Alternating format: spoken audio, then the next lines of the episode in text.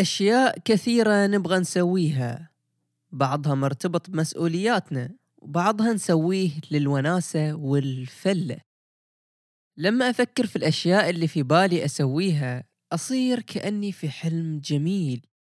أخلص أشغال البيت وأطلع العيال وأخلص مشاريع الجانبية وبعد أجيب مونة البيت. لكن يخترب هالحلم لما يوصلني ذاك الشعور المتعب الشعور اللي يخلي بالي مشغول طول الوقت. شعور إني ما بقدر أسوي كل هالأشياء اللي أبغاها في الوقت اللي أبغاه. ومو بس كده احتمال إني أنسى بعض الأشياء لأن بلتهي بأشياء ثانية أهم منها يخليني في قمة التوتر. فطبيعي إن أي شخص يتعرض لنفس هذا الموقف يبغى يشوف له حل. لكن تدري وش يصير؟ بشكل لا إرادي نقوم نركز على الأشياء الأهم ونتجاهل أو ننسى الأشياء الأقل أهمية. والأسوأ لو نسينا الأهم واهتمينا بالأشياء الغير مهمة. طبعا ما أظن إن في أشياء أبغى أسويها بتكون غير مهمة بالنسبة لي. ونفس الشي بالنسبة لك ما في أشياء في بالك تسويها ما تشكل لك أهمية.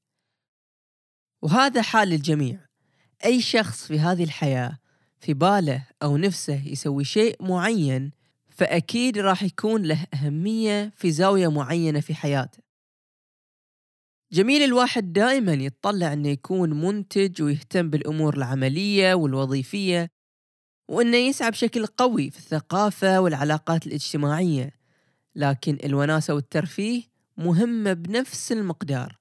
والتقصير فيهم بيأثر على الأشياء الثانية بشكل كبير. هذا بودكاست أفكار وأنا أحمد الأحمد.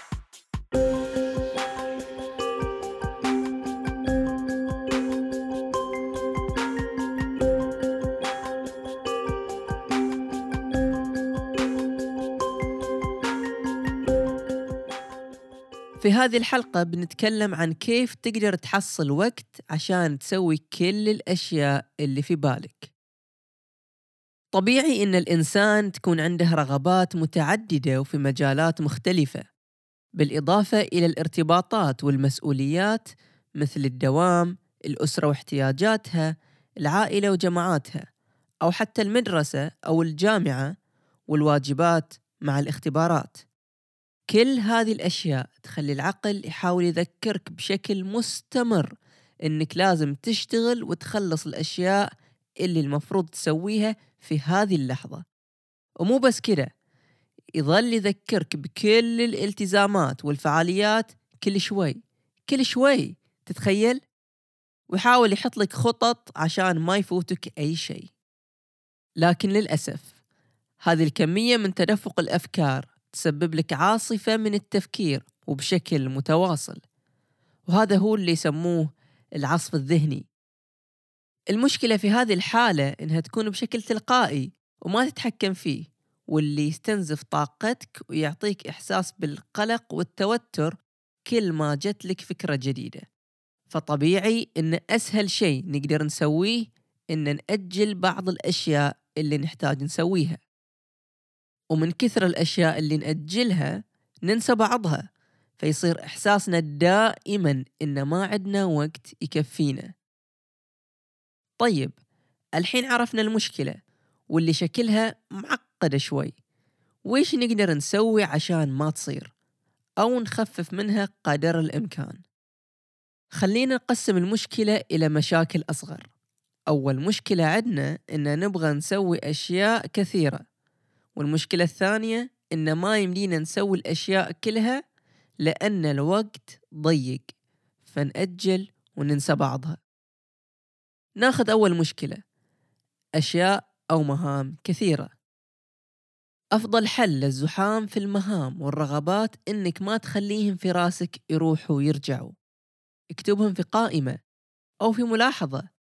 ما يهم تكون في دفتر ملاحظات أو في تطبيق ملاحظات على الجوال. أهم شي إنك تكتبهم وتشوفهم قدامك. بس تخلص كتابتهم بتكون عطيت تفكيرك مساحة من الحرية لأنك تعرف إن الأفكار ما راح تضيع فبالنتيجة ما راح يخطروا على بالك كل شوي. الحين عرفنا ويش عندنا من أشغال. فخلينا نجي للمشكلة الثانية واللي هي إن ما عندنا وقت كافي عشان نخلص كل هالأشياء اللي كتبناها. أول شي راح نسويه إن نحسب كم من الوقت عندنا مو مليان بأمور ثانية. مثلا طريقك للدوام ووقتك في الدوام وطريق الرجوع هذا كله محجوز. ولو إنك تتغدى في البيت هذا الوقت بيكون محجوز. ووقت العشاء مع الأسرة بعد محجوز. فيظل عندك شوية وقت في المغرب وشوية بعد العشاء. ولو كنت أم فتجهيز الأولاد للمدرسة وشغل البيت اليومي وطبخ الغداء كله وقت محجوز. بالإضافة إلى وقت المذاكرة وتجهيز العشاء كله محجوز. فاللي يبقى بيكون وقت يتخلل هذه الأوقات المحجوزة أو في بداية اليوم أو نهاية اليوم. في هذا الوقت المتاح اللي عرفناه ممكن نجدول بعض المهام لكن بشرط إن وقت هذه المهام ما يتعدى الوقت الفاضي اللي عندكم وطبعا لازم يخلصوا قبل ما يجي وقت النوم تمام؟ تمام هنا ممكن البعض يسألني أنا ما قدرت أجدول كل الأشياء اللي أبغى أسويها في هذا الوقت أو أكون تعبان فما أخلصهم فويش أسوي؟ بقول لك قسمهم على الأيام الجاية وإذا ما كفى في أسبوع واحد خليهم على أكثر من أسبوع. وإذا ما يكفي أسبوع خليهم في شهر. وبهالطريقة نمشي. إذا ما كفت المدة الزمنية أو الطاقة الجسدية فنخلي المدة أكبر وأطول. طيب ولو كانت عندنا أشغال ما تتأجل ضروري نخلصها في فترة زمنية محدودة. أسبوع مثلا. هنا نقوم نعطي هالأشغال أولوية في جدولنا. نخلصها وبعدين نسوي الباقي.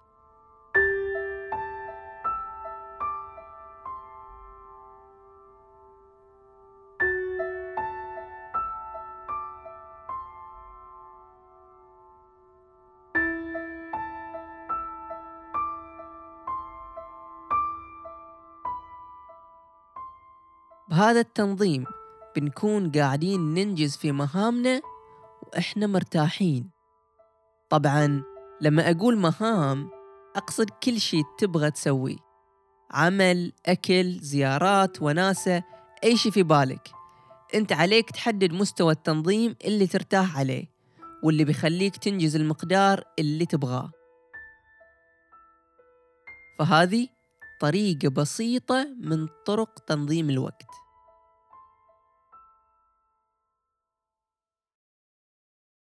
خلونا نلخص الموضوع. تكلمنا عن المشاكل اللي تخلينا دائما نحس إن ما عندنا وقت كافي عشان ننجز المهام والأشغال اللي عندنا. المشاكل كانت كالتالي واحد يكون عندنا أشغال ومهام كثيرة. اثنين دائما نبغى نخلص هالأشغال في وقت قياسي وضيق. وقلنا نقدر نتخطى هالمشاكل بالخطوات الجاية. أولا نحسب ونشوف وين الأوقات المتاحة والفاضية في أيامنا. بعدها نجدول أشغالنا ومهامنا في هذه الأوقات. وإذا في مهام لازم نخلصها في وقت سريع لازم نعطيها أولوية على المهام الثانية. وفي الأخير اختار مستوى التفصيل اللي يناسبك ووزع المهام على المدة الزمنية اللي تريحك. حاول تستخدم هذه الطريقة لما تحس إنك تحتاجها. وإذا جربتها وشفت إنها مفيدة حاول تنشرها وتفيد الناس اللي حولك. وفي الأخير تذكر كل اللي عندنا وقت ومهام وطاقة.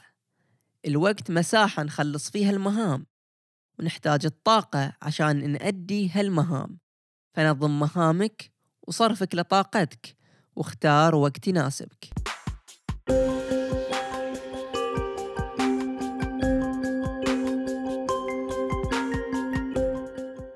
إذا عندك أي أسئلة أو استفسارات أو حتى اقتراحات راسلني على حساب البودكاست في الإنستغرام آت أفكار بودكاست أو على حسابي الشخصي آت AHM 1992 أو ممكن تراسلني على الإيميل أفكار بودكاست at gmail.com كل هذه المعلومات بتحصلها مكتوبة في تفاصيل الحلقة. شارك في إعداد هذه الحلقة الصديق عبد الله إبراهيم. كنت معاكم من خلف المايك. أحمد الأحمد.